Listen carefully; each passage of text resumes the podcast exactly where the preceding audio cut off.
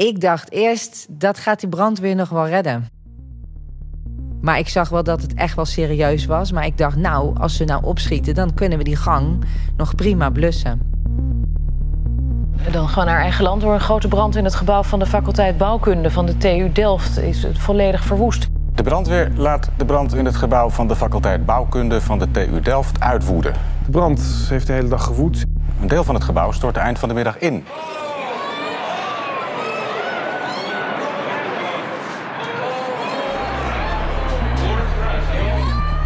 Zijn geen slachtoffers gevallen. De brand ontstond door kortsluiting als gevolg van een waterlek. Studenten en medewerkers konden op tijd wegkomen. Ja, alles. Maquettes, ik- alles op computers. En eh, ja, gewoon alles spullen liggen daar. Mijn tas ligt er nog, mijn portemonnee en alles erin. Dus, eh.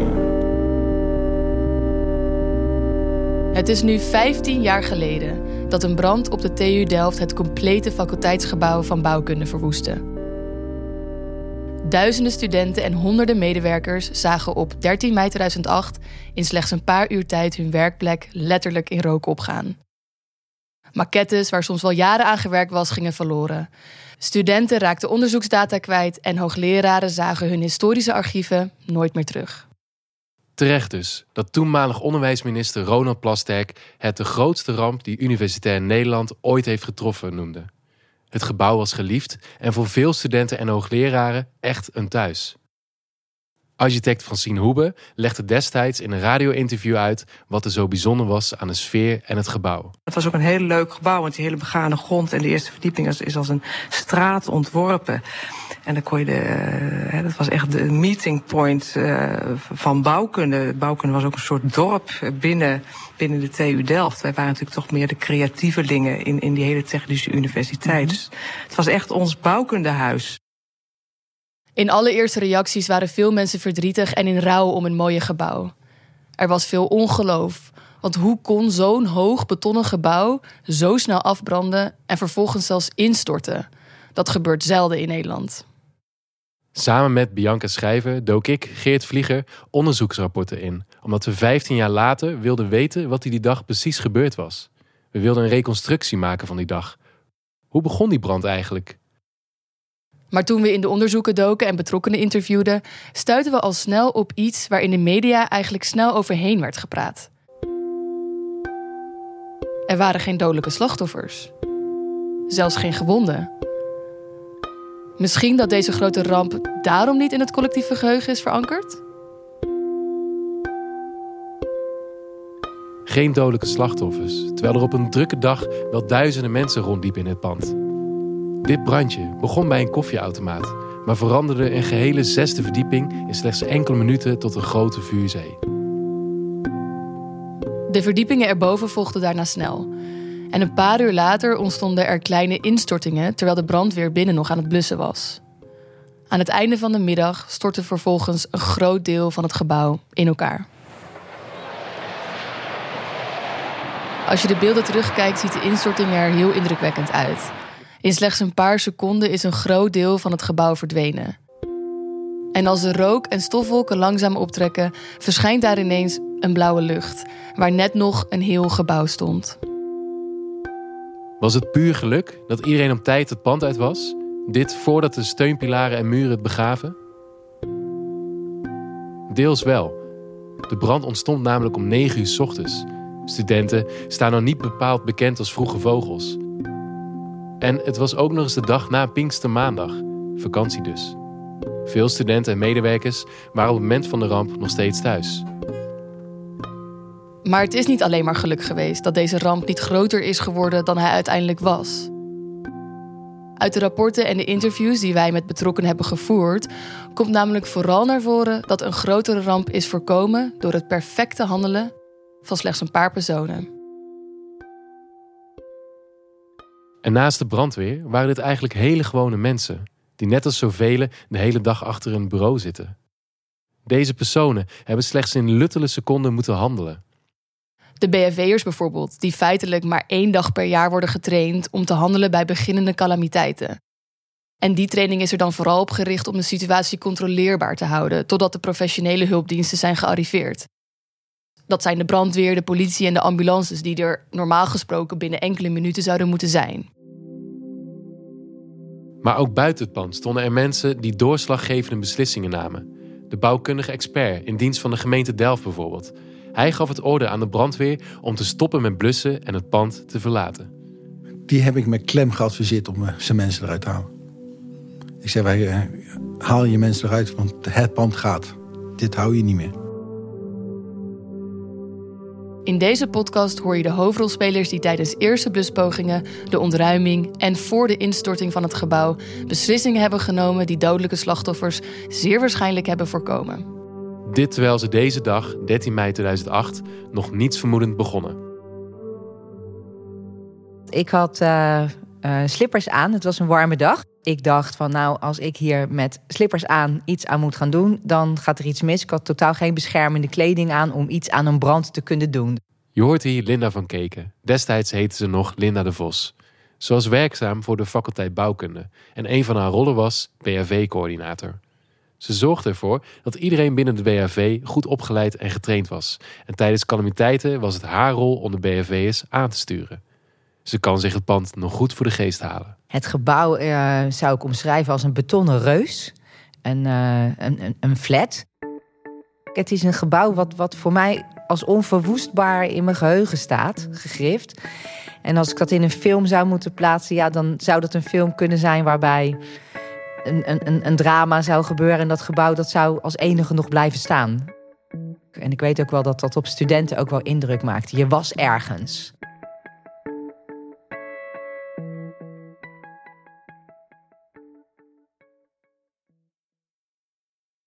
Het is de ochtend van 13 mei 2008, de dag van de brand. Ik ben een vroege vogel, dus uh, ik word altijd rond een uur zo vijf wakker. Dus meestal ben ik net iets voor de beveiliger uh, hier aanwezig. Een dag die voor Dennis Kruijen ironisch genoeg begon met het tegenovergestelde van brand, namelijk water. Er was heel veel wateroverlast. Precies een taak voor Dennis om op te lossen, want hij is facilitair manager. En, en dit wordt later belangrijk, hij is ook hoofd BHV. Het was uh, de dag na Pinksteren, dus het was op een dinsdag. We hadden allemaal een lang weekend gehad. Het eerste wat ik altijd doe is uh, zoeken naar koffie. En eigenlijk onderweg naar mijn kantoor liep ik langs de liften in de centrale hal. En toen hoorde ik een hele hoop water gaan. Eigenlijk een soort geluid wat je hoort als iemand onder de douche stond. Dus ik keek naar die lift. Ik denk, nou, dat is wel raar. Eén seconde dacht ik even, ik wil eerst koffie. Maar toen ik dit hoorde, toen denk ik, nou, dus, dit is wel ernstig. Ik merkte dat de schade ook echt wel in kantoor opgelopen was.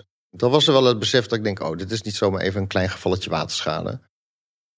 De verdiepingen stonden inmiddels zodanig blank dat iedereen die maar kon helpen heel erg nodig was. Ja, ze waren al met waterzuigmachines waren ze bezig. Uh, om uiteindelijk vooral te kijken hoeveel uh, dat we de schade vooral konden voorkomen. Maar nou ja, het zijpelde verder naar beneden toe. Dit is het moment waarop TU-medewerkers besluiten om de brandweer om hulp te vragen. Die hebben namelijk waterstofzuigers en die hadden ze bij de TU hard nodig. Ook Linda begint die dag al redelijk vroeg. En ook zij ziet bij binnenkomst gelijk al de wateroverlast. Ja, je komt aan met de fiets, fiets in de kelder, ga naar de begane grond, pak de lift. Negende verdieping, dus we pakken de lift. En uh, toen zag ik wel wat water in de lift staan. Toen dacht ik, oh, nou ja, het zal iets van lekkage zijn. Dat is verder voor de gebouwbeheerders. Dus daar sla je dan verder geen gade op. En je denkt, oh, nou ja, het zal wel. Het gebouw is open, dus het is veilig om daar te komen werken. Dus ik ben naar mijn werkplek gegaan, computer aangezet, tegengepakt en opgestart. Linda begint haar dag zoals elke andere dag, tot er ineens een pieper afgaat. En ik kreeg inderdaad op die pager zesde verdieping brandalarm. En toen dacht ik, oh, nou dat zal wel met dat water te maken hebben. Dus nou, rustig aan, ik ga eens kijken. Eigenlijk hoor je als BRV'er je helemaal beneden te melden. En dan op aansturing van een ploegleider hoor je iets te gaan doen. Maar ik dacht, ja, het is hier drie verdiepingen naar beneden. Ik ga wel even kijken. En op het moment dat ze in de buurt komt van de zesde verdieping, beseft ze dat de melding van de pager juist is. Er is brand uitgebroken in een koffieautomaat op de zesde verdieping.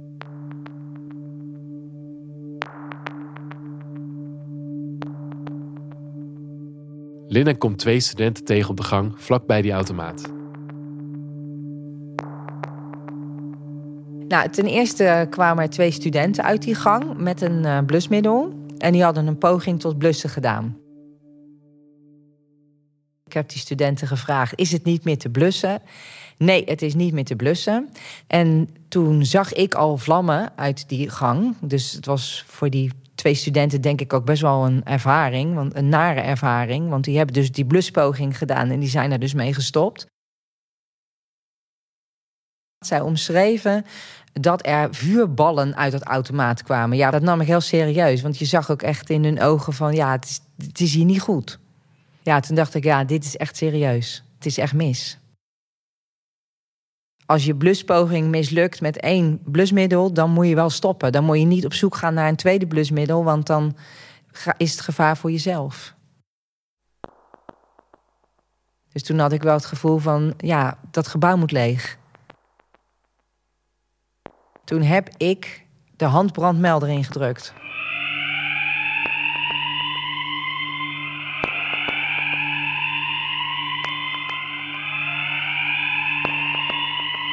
Dat is een, uh, een rood kastje wat vaak bij een brandhaspel hangt, dus bij een blusapparaat. En er zit een glaasje in van plastic. En dat moet je even doordrukken. En dan gaat er een uh, en een ontruimingssignaal af. Nou nee, ik wil weg. Dat is het eerste wat ik dacht, niet nu. en nou natuurlijk ook wel van als je met een watercalamiteit bezig bent... dat je wel ineens denkt van, huh, hoe kan dat nou? Op het moment dat de brandalarm aangaat... Dan ontvangen de BHV'ers, die allemaal in bezit zijn van een pieper... en dan verzamelen ze zich. Mensen waren heel erg snel uh, bij het servicepunt... beneden de centrale hal, bij de ingang was dat nog. Uh, en van daaruit zijn de taken verdeeld. Ik zelf ben wel hoofd BHV, dus ook verantwoordelijk voor het plan... en voldoende mensen inzet... Daarnaast is Linda de Vos degene die eh, als BHV-coördinator optreedt eh, in het gebouw. En zijn we het systeem eigenlijk eh, meteen vrij snel ingegaan om het gebouw geheel te ontruimen. Ze noemen dat dan vegen en lokken. En dan gaan ze de etages af, alle kamers controleren, ehm, laatste mensen wegsturen. En zo had ik de lijst beneden bij me. En zo gingen we als het ware de etages af.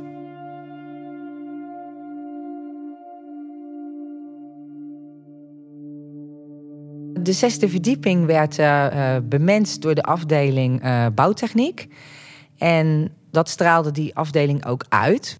Dus er waren veel studenten bezig met materialen, met draagconstructies, met, ja, met het bouwen aan uh, constructies voor bruggen, et cetera. En ik weet ook wel dat die verdieping ook voor een heel groot deel bestond ook uit hout. Ik weet niet of dat iets specifieks was voor de uh, bouwtechnieksector, maar het was er zaten allemaal schrootjes aan, de, aan het plafond en aan de wand. Om het ook een wat warmere uitstraling te geven, denk ik later. Terwijl Dennis de rest van het BFV-team aanstuurt vanaf beneden, staat Linda nog steeds op de zesde verdieping bij de brand. Als je de trap afloopt, dan loop je tegen glazen pui aan. En er zaten hele zware ijzeren deuren tussen de verdiepingen. Ja, dat is echt een brandscheiding. Dus daar sta je wel veilig. Maar dan moet je natuurlijk ook geen uur blijven staan. Om te voorkomen dat overmoedige mensen die langs de zesde naar beneden lopen nog een bluspoging zouden ondernemen, blijft Linda voor de ijzeren deur staan waarachter de brand woedt. Zonder zuurstof is het daar inmiddels al levensgevaarlijk. En ik zie ook nog collega's van mij van die negende verdieping naar beneden lopen. En die keken mij zo aan. Die blikken zal ik ook nooit vergeten. En toen zei ik: Het is wel echt, jullie moeten gaan. Ik heb je net verteld over die houten schrootjes. Dat het rolde van wand, plafond, wand. Er kwam echt een rollende vlam. Van, die zag ik dus op 30 meter. Hè. Dat was niet op 5 meter van mij. Maar ik zag hem rollen door de gang. Toen dacht ik, ja, dit gaat helemaal fout. Dat, dat herinner ik me wel. Want op een gegeven moment ging de verlichting ook uit. En toen vond ik het wel een beetje eng worden. We moeten wegwezen.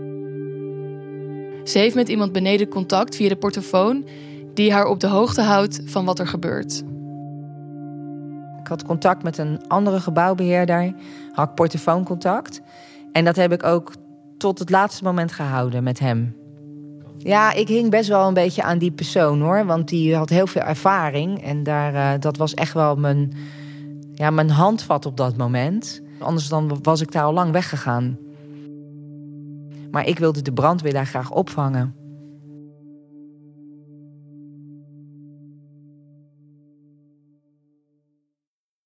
En terwijl Linda daar op de zesde voor die deur staat te wachten, moeten wij een sprong terug in de tijd maken. Niet een hele grote hoor, slechts enkele minuten voordat Linda die handbrandmelder indrukt. Want een paar minuten daarvoor belt een servicemedewerker op de begane grond van de faculteit bouwkunde met de meldkamer van de brandweer. Niet omdat er brand is, maar omdat ze die waterstofzuigers van de brandweer nodig hebben. Maar in de loop van het gesprek komen ook bij de brandweer verschillende automatische meldingen binnen. Brand in de TU. Rookmelders detecteren rook en deze melding krijgt de brandweer dan automatisch weer binnen. Natuurlijk vertelt de centralist dit aan de TU-medewerker, maar die denkt in eerste instantie dat het een foutmelding is. Water in de brandmeldinstallatie misschien? De centralist negeert de melding. Er is waarschijnlijk niks aan de hand. Het liefst zo snel mogelijk. Zo snel mogelijk? Ja, ik heb ze met prio 1 gestuurd. Nou, dat hoeft nou ook alweer niet. Het gesprek wordt beëindigd en de centralist stuurt een brandweerauto met waterstofzuigers naar bouwkunde. Ja, volgens mij uh, waren wij nog in de uh, uitdrukgarage bezig met de voertuigen. En toen kregen we de melding uh, wateroverlast, bouwkunde, Berlagenweg. Dit is Rob Richards. Hij is eerste bevelvoerder bij de brandweer. En dat is een ja, teken voor de kleine autospuit. Dat die daar naartoe gaat, want het is een hulpverlening. Daar staat een kleine waterstofzuiger op. Nou, en het was toch een grote uh, wateroverlast, kregen we na de hand mee. Dus daar nog een grote waterstofzuiger bij gezet. Tussen de mensen in, want het is maar eigenlijk een, niet een hele grote auto, maar ertussen gepropt. Na het telefoontje wat je net hoorde, belt de TU-medewerker opnieuw naar de brandweer. Dit is vier minuten later. Door de ontruimingsinstallatie en inmiddels ook contact met Linda en Dennis, weet deze persoon pas op dit moment dat er daadwerkelijk brand is. TU Delft, er is toch een brand in een koffieautomaat. Prior 1, denk ik. Vang u op bij de zijingang. Het is op de zesde verdieping. Zevende verdieping? De zesde. Brandt het erg?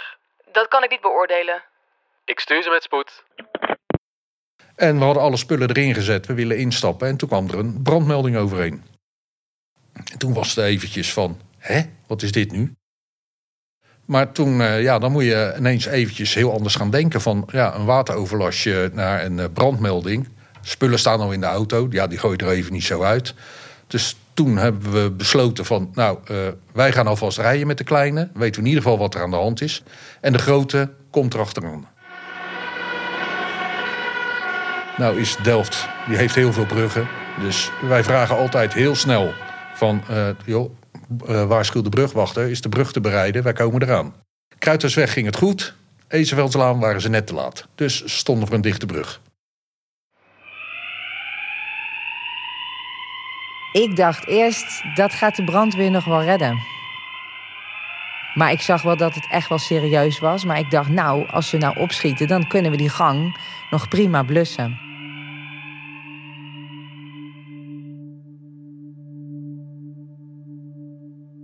Wat Linda op dat moment alleen nog niet weet, is dat de brandweer nog wel even op zich laat wachten door die miscommunicatie van net. Terwijl de brandweer nog met een waterstofzuiger in de auto naar de TU rijdt, ziet zij de Vlammenzee achter zich steeds groter worden. Ook komen er student-BHV'ers de trap op en die gaan naar boven. Ik stond bij die ruit en ik zag de BHV-ploeg, die zag ik boven de zesde verdieping gaan om te vegen, hè, om te ontruimen. En dat vond ik wel spannend voor die, uh, voor die mensen die toch nog gewaagd hebben iedereen eruit te halen. En het is uiteindelijk goed geweest dat ze dat gedaan hebben, want hebben ze best nog wel wat mensen uitgehaald. Ook iemand die zat te werken met oortjes in op de achtste verdieping, twee verdiepingen boven die zesde. En toen hadden we dus nog allemaal echt dichte deuren zonder glas erin. Dus je kon ook niet van de buitenkant zien of de mensen in die kantoren zaten. Dus die BRV'ers hebben wel echt netjes op alle deuren geklopt, toiletdeuren, om te kijken of daar iemand zat. En die hebben haar dus uh, er wel uitgehaald. Ik weet niet wat er gebeurd was als zij in die kamer was blijven zitten met die oortjes op, want dan hoor je toch dat ontruimingssignaal niet goed.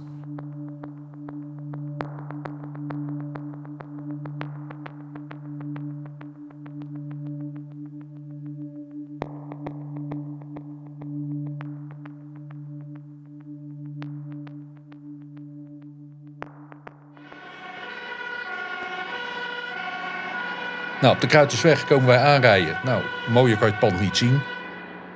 Ja, ik zag nog echt niet echt gekke dingen. Of van, uh, nou ja, joh, het zal wel. En uh, rook. Ja, ik zag eigenlijk helemaal niets. Ja, het kwam eigenlijk op een mooi moment. Op het moment dat wij alle etages gehad hadden, weggestreept. We werden gelijk beneden al opgevangen door een BHV'er. Opluchting. Een hele grote opluchting. Ja. Ja, omdat het toch.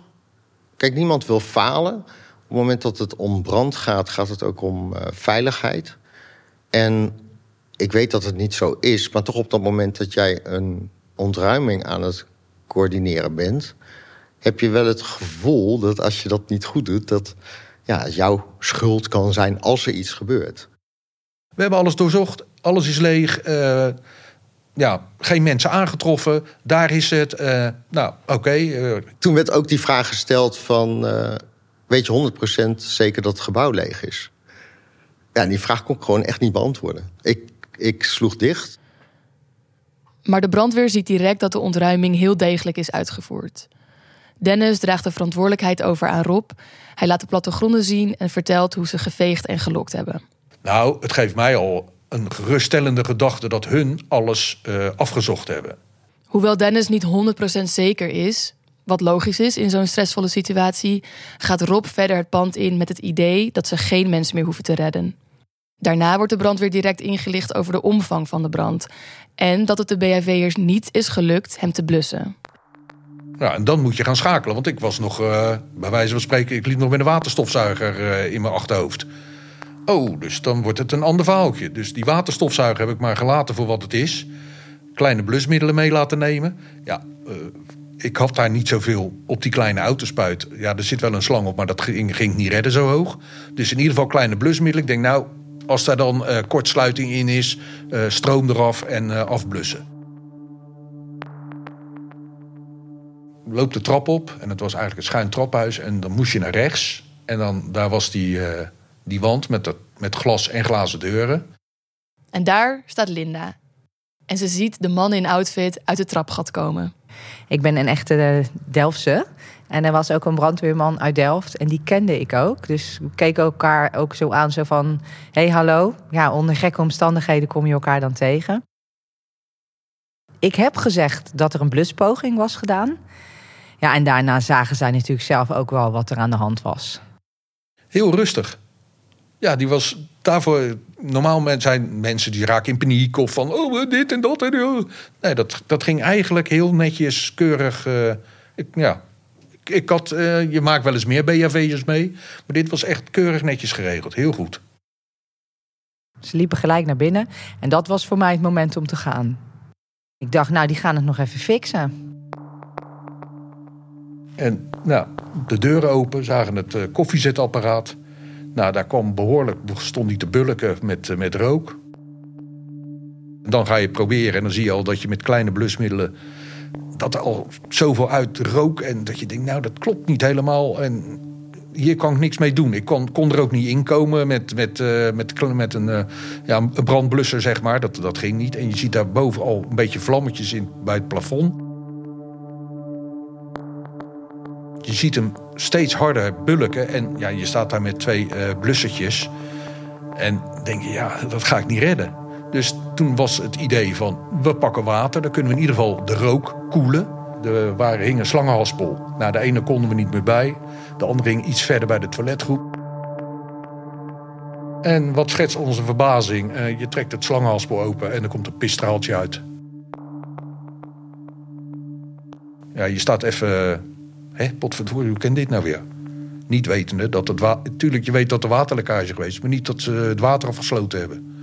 Maar ja, je staat daar gewoon met een, een slang waar, eigenlijk, uh, ja, waar je je tuin nog niet eens mee kan sproeien, bij wijze van spreken. En dan denk je, en nu? Terwijl we eigenlijk staan van, joh, hoe kan dit nou? Dit uh, zien we ineens, nou zie ik in mijn ooghoeken de rook zo enorm toenemen. En ik zie vlammen langs het plafond likken. Dus ik zeg tegen, uh, ik, was, ik had maar twee mensen bij me. Van, we gaan eruit, nu. We gaan, we gaan eruit, we doen net die deuren achter ons dicht. Nou, in één keer, boef, zegt hij, staat de hele ruimte achter ons in lichte laaien.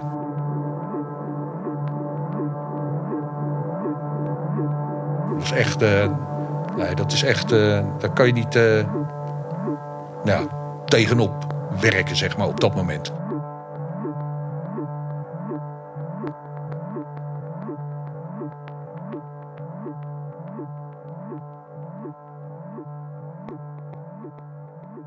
Rob beschrijft hier een flashover. Een flashover is het moment waarop een brand zo hard groeit dat er ook gassen vrijkomen die na een tijdje ook vlam vatten. En dat is het moment waarop de hele ruimte in één keer in brand vliegt. Rob loopt naar beneden om nieuwe zuurstofflessen te halen, zodat zijn mensen boven kunnen blijven blussen. Daar vielen al brandende stukken naar beneden. Uittrappen en uh, allemaal van dat soort gekke dingen. Ja, ik denk, nou, dat gaat helemaal fout lopen. Want dat was eigenlijk onze vluchtweg. Als dat in brand zat, dan weet ik niet hoe we eruit moeten komen. Op een gegeven moment, we zijn daar, ik vraag me niet hoe lang bezig geweest, hadden we zoiets van, nou, uh, we hebben hem in ieder geval deze etage. Nou, toen keken we naar boven. Het bleek gewoon dat het helemaal open was tussen de verdiepingen. Oftewel, het was één hele grote schoorsteen. En wat wij dachten dat we gered hadden van één verdieping, er waren vier verdiepingen boven, stonden al helemaal weer in lichte laaien. Dus, nou. Wat Rob dan niet weet, maar wat later uit onderzoek blijkt, is dat de vlammen zowel van binnenuit als aan de buitenkant makkelijk naar boven kunnen gaan. De ramen van de zesde verdieping zijn zo heet geworden dat ze zijn gebroken, waardoor de vlammen uit het gebouw steken en zo de bovenste verdiepingen bereiken. Binnen in het gebouw vindt de brand zijn weg naar boven via de schacht van de goederenlift. Wat begon bij een brand op één verdieping verandert binnen een paar minuten in een grote brand die op meerdere verdiepingen woedt. Ik ben via het trappenhuis naar beneden gegaan. Op de slippers, langs de portiersloge naar buiten, met de portofoon nog in mijn handen. Toen dacht ik, het gaat niet meer goed komen. En uh, toen dacht ik ook van, kom ik daar nou net vandaan?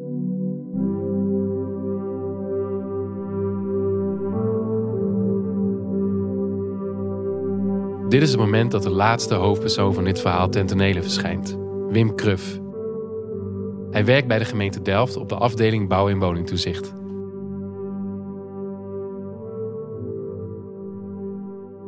Ik kom op kantoor en mijn afdelingshoofd komt naar buiten gestoofd van er is een grote brand in Delft. Ik zeg ja, ik weet waar. Hij zegt nou dan ga jij daar naartoe en dan neemt de jongste van de buiteninspecteurs maar mee en ga maar uh, je werk doen daar. Toen dacht ik eigenlijk nog niet zoveel. Toen was het echt van zoiets van nou, we gaan er naartoe. Uh, we doen ons werk en dan kijken hoe de, hoe, hoe de boel ontwikkelt. Wim meldt zich bij de COPI. Dat is het crisiscentrum te plaatsen waar belangrijke beslissingen worden genomen. Hier bevinden zich leidinggevenden van bijvoorbeeld de brandweer, gemeente en regionale gezondheidsdiensten. Omdat Wim dan de belangrijkste adviseur is over de technische staat van het gebouw, is het zijn taak om het gebouw in de gaten te houden. Met berekeningen die op kantoor worden gemaakt, moeten inschatten hoe groot het instortingsgevaar is. Dus wij kwamen aan bij de crisisorganisatie, hebben ons gemeld. En uh, het was ondertussen al een flinke grote brand... waar de nodige korpsen uit de omgeving voor opgeroepen werden. En we zijn aan de slag gegaan. En dat betekent met name kijken, kijken, kijken. Wat doet het gebouw? Wanneer moet de brandweer eruit? Contact houden met de constructeur op kantoor... die ondertussen probeerde de constructieve gegevens boven tafel te krijgen van hoe moeten we dat gebouw in de gaten houden. Voor de brand van Delft hadden we in Haarlem een kerkbrand... waar drie brandweermannen zijn over omgekomen... als gevolg van een muur die op die mensen is gevallen. En dan zit je toch als een gemeentelijke organisatie aan de lat om het juiste advies te geven om te voorkomen dat er mensenlevens vallen. Terwijl Wim het gebouw nauwlettend in de gaten houdt en inzicht krijgt in hoe lang het nog duurt voordat het gebouw kan instorten, blijven Rob en zijn collega's binnen hard werken. Nou, ik moet zeggen, degene die bij me was, daar eh, kan ik mee lezen en schrijven. Dus we wisten heel snel al van, nou, we gaan dit doen, jij gaat dat doen. Hij heeft een taak, ik heb een taak. We houden hem bij de liftschacht, uh, gaan we hem tegenhouden van alle verdiepingen. En dan gaan wij gewoon de rest redden. Dat gaat gewoon lukken. Een hoop eh, geprobeerd en gedaan. Wat ik nog nooit van mijn leven meegemaakt heb. Daar was gewoon de kop boven. Was ja, eraf gebrand. Op een of andere duistere wijze. Oftewel, het spoot er aan alle kanten uit. Maar niet waar wij het wilden hebben in onze slangen. Ademlucht was een probleem. Je moest iedere keer vijf etages naar beneden. Nou, dat, voordat je beneden was, was hij verrot. Moest je weer naar boven, was je halve fles alweer leeg. Dus wij wilden een buffer op de vierde verdieping, zodat we daar flessen konden wisselen en sneller. Druk bezig, je hebt ideeën, plannen en je denkt dat het gaat redden. Dat je zegt, je bent aan het knokken. Inmiddels staan de zesde tot en met de dertiende verdieping helemaal in brand. Ook op de ondergelegen verdiepingen ontstaan kleine brandjes door materiaal dat naar beneden valt. Wim staat te kijken naar het gebouw en wil weten wat de situatie binnen is. En daar hebben we op een gegeven moment eh, een bevelvoerder eh, aangesproken, die we in dagelijks werk eh, regelmatig ook wel spraken. Nou, die gaf informatie waar ze stonden. En toen, zei ik, en toen heb ik ook teruggegeven: ja, maar je moet nou eruit gaan, want hij, hij is daar ook bezig. De constructeur uh, geeft aan dat uh, het pand niet meer veilig wordt, dat er instabiliteit uh, gaat ontstaan. Dus komt eruit. Dit houden jullie niet.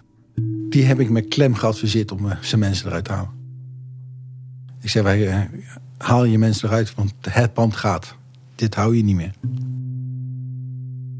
Hij zegt, ja, je moet even naar de commandant dat melden. Ik zeg, dat ga ik ook doen.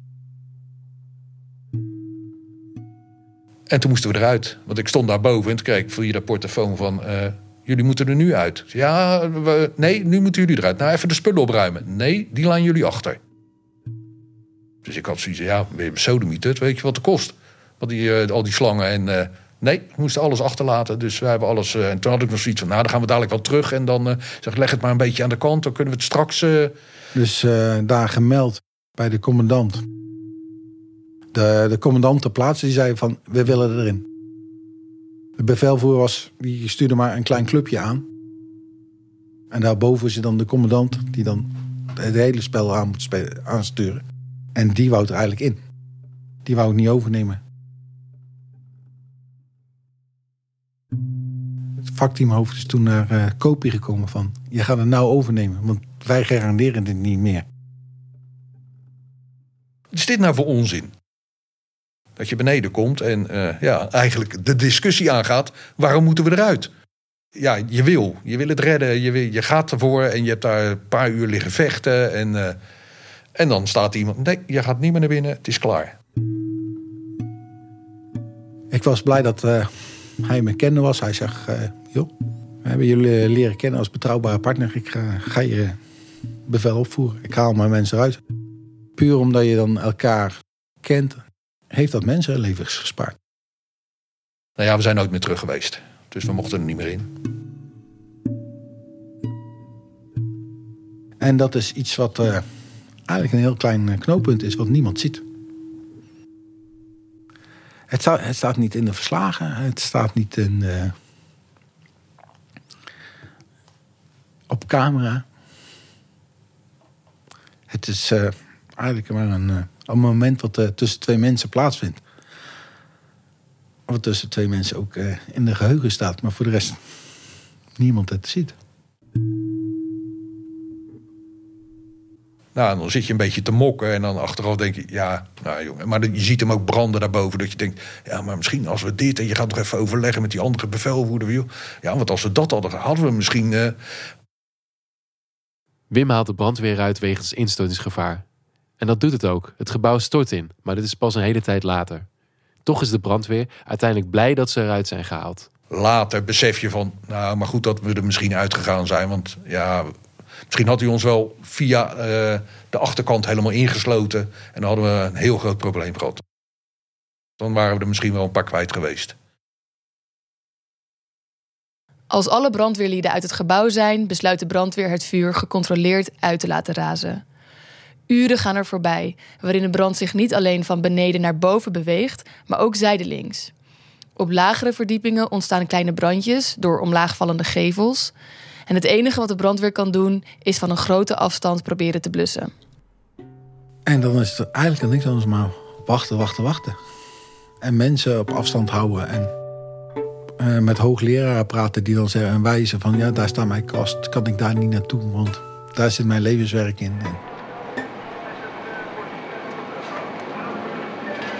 Het is een absurd gezicht. Het is uh, binnen een kwartiertje staat het gebouw in licht en laaien.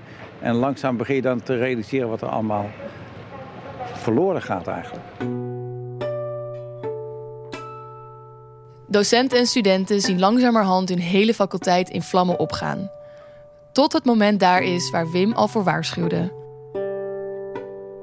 Het gebouw stort in.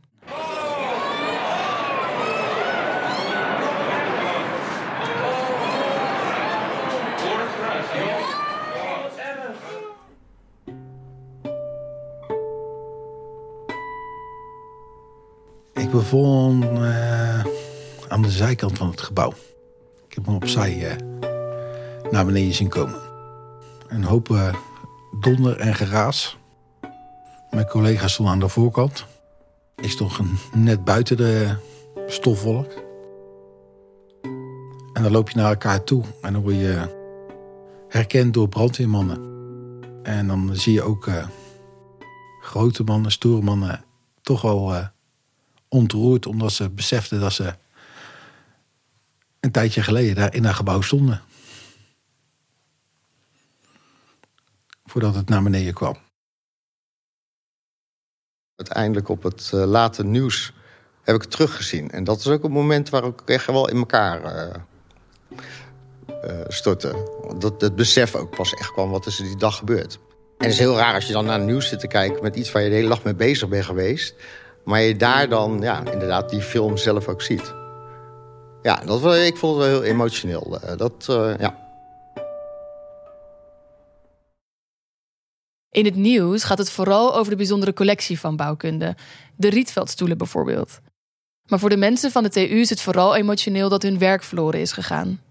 Uh, je moet je voorstellen, uh, hier hebben mensen jarenlang hun levenswerk uh, vervuld. Hè, door uiteindelijk voor een promotie, nou, of het afstuderen, heel hun passie erin gestopt. En die modellen hier te hebben, die stukken hier te hebben.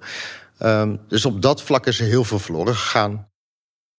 Ja, en dat, dat heeft emotionele waarde voor de personen. Dus dat is niet altijd goed naar voren gekomen. Hè. Dat, daar praten mensen niet zo snel over. Ja, dat doet iets. Dan kan je niet zeggen van er zijn geen slachtoffers. Na een week ben ik gewoon wel weer in, het, uh, in, in de werkomgeving verschenen. Maar in die week kon ik even niet schakelen op het wetenschappelijke niveau met de afdeling waar we naartoe zouden gaan. Dat kon ik even niet. In de dagen en weken na de brand pakken Dennis, Linda en Wim hun werk weer op.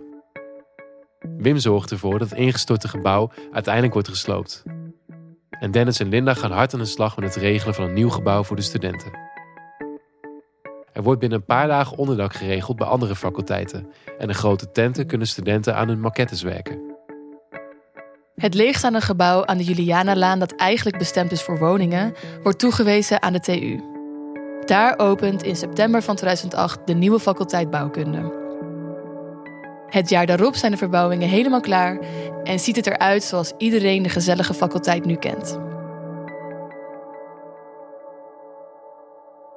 Maar terwijl ze zelf druk bezig waren met die toekomst, hadden Dennis, Linda en Wim ook iets te verwerken. Ze handelden onder grote druk en voorkwamen uiteindelijk een nog grotere ramp. Vijftien jaar later heeft dat nog steeds impact. Tijdens het interview met Wim blijkt dat hij veel last heeft gehad van deze brand, omdat hij eigenlijk geen nazorg heeft gekregen. Ze hebben wel gevraagd van wat, wat, of je dat hebt meegemaakt, zo'n zo, zo'n grote crisis. Ja, dat zijn hele technische vragen. waar een functionaris wordt bevraagd. Terwijl een persoonlijke vraag van wat heeft er jou als persoon gedaan en gebracht, heb je nooit gesteld. En dat uh, voelde ik, dat kriebelt.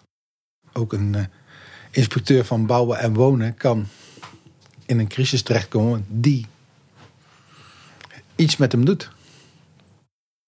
Ik ben nog steeds hoofd BHV in dit pand en het heeft me wel alert gemaakt. Op die manier dat je nooit moet denken dat iets niet kan gebeuren, want het kan altijd. Soms zie ik collega's of studenten die die brand niet mee hebben gemaakt, die denken van nou, uh, is het nou zo erg dat er een waterkoker op mijn kamer staat? Ja, dat is dus zo erg. Doe het maar niet, want kijk wat er kan gebeuren. Dat heeft mij wel veranderd. Ik ben wel extra alert op dat soort dingen. Ik doe altijd wel, als ik op die plek sta, heel veel moeite om het weer even voor de geest te halen. Hoe was het ook alweer? En uh, nou ja, goed, het is nu ook geweldig eh, met het park en uiteindelijk de Green Village. Maar in mijn gedachten staat dat gebouw nog. Ja.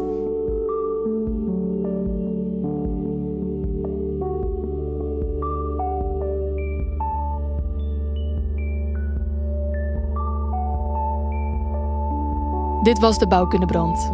Een podcast van TU Delta. Redactie, productie en montage door Geert Vlieger en Bianca Schrijver.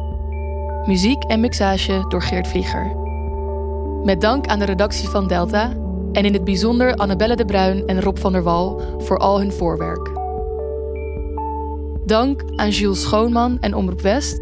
En speciale dank aan IJsbrand van Stralen voor alle informatie over wat er feitelijk gebeurde tijdens de brand. Meer weten over de nasleep? Op TU Delta vind je nu een verhalenreeks met verschillende TU-medewerkers. Kijk op delta.tudelft.nl/podcast. Dank voor het luisteren.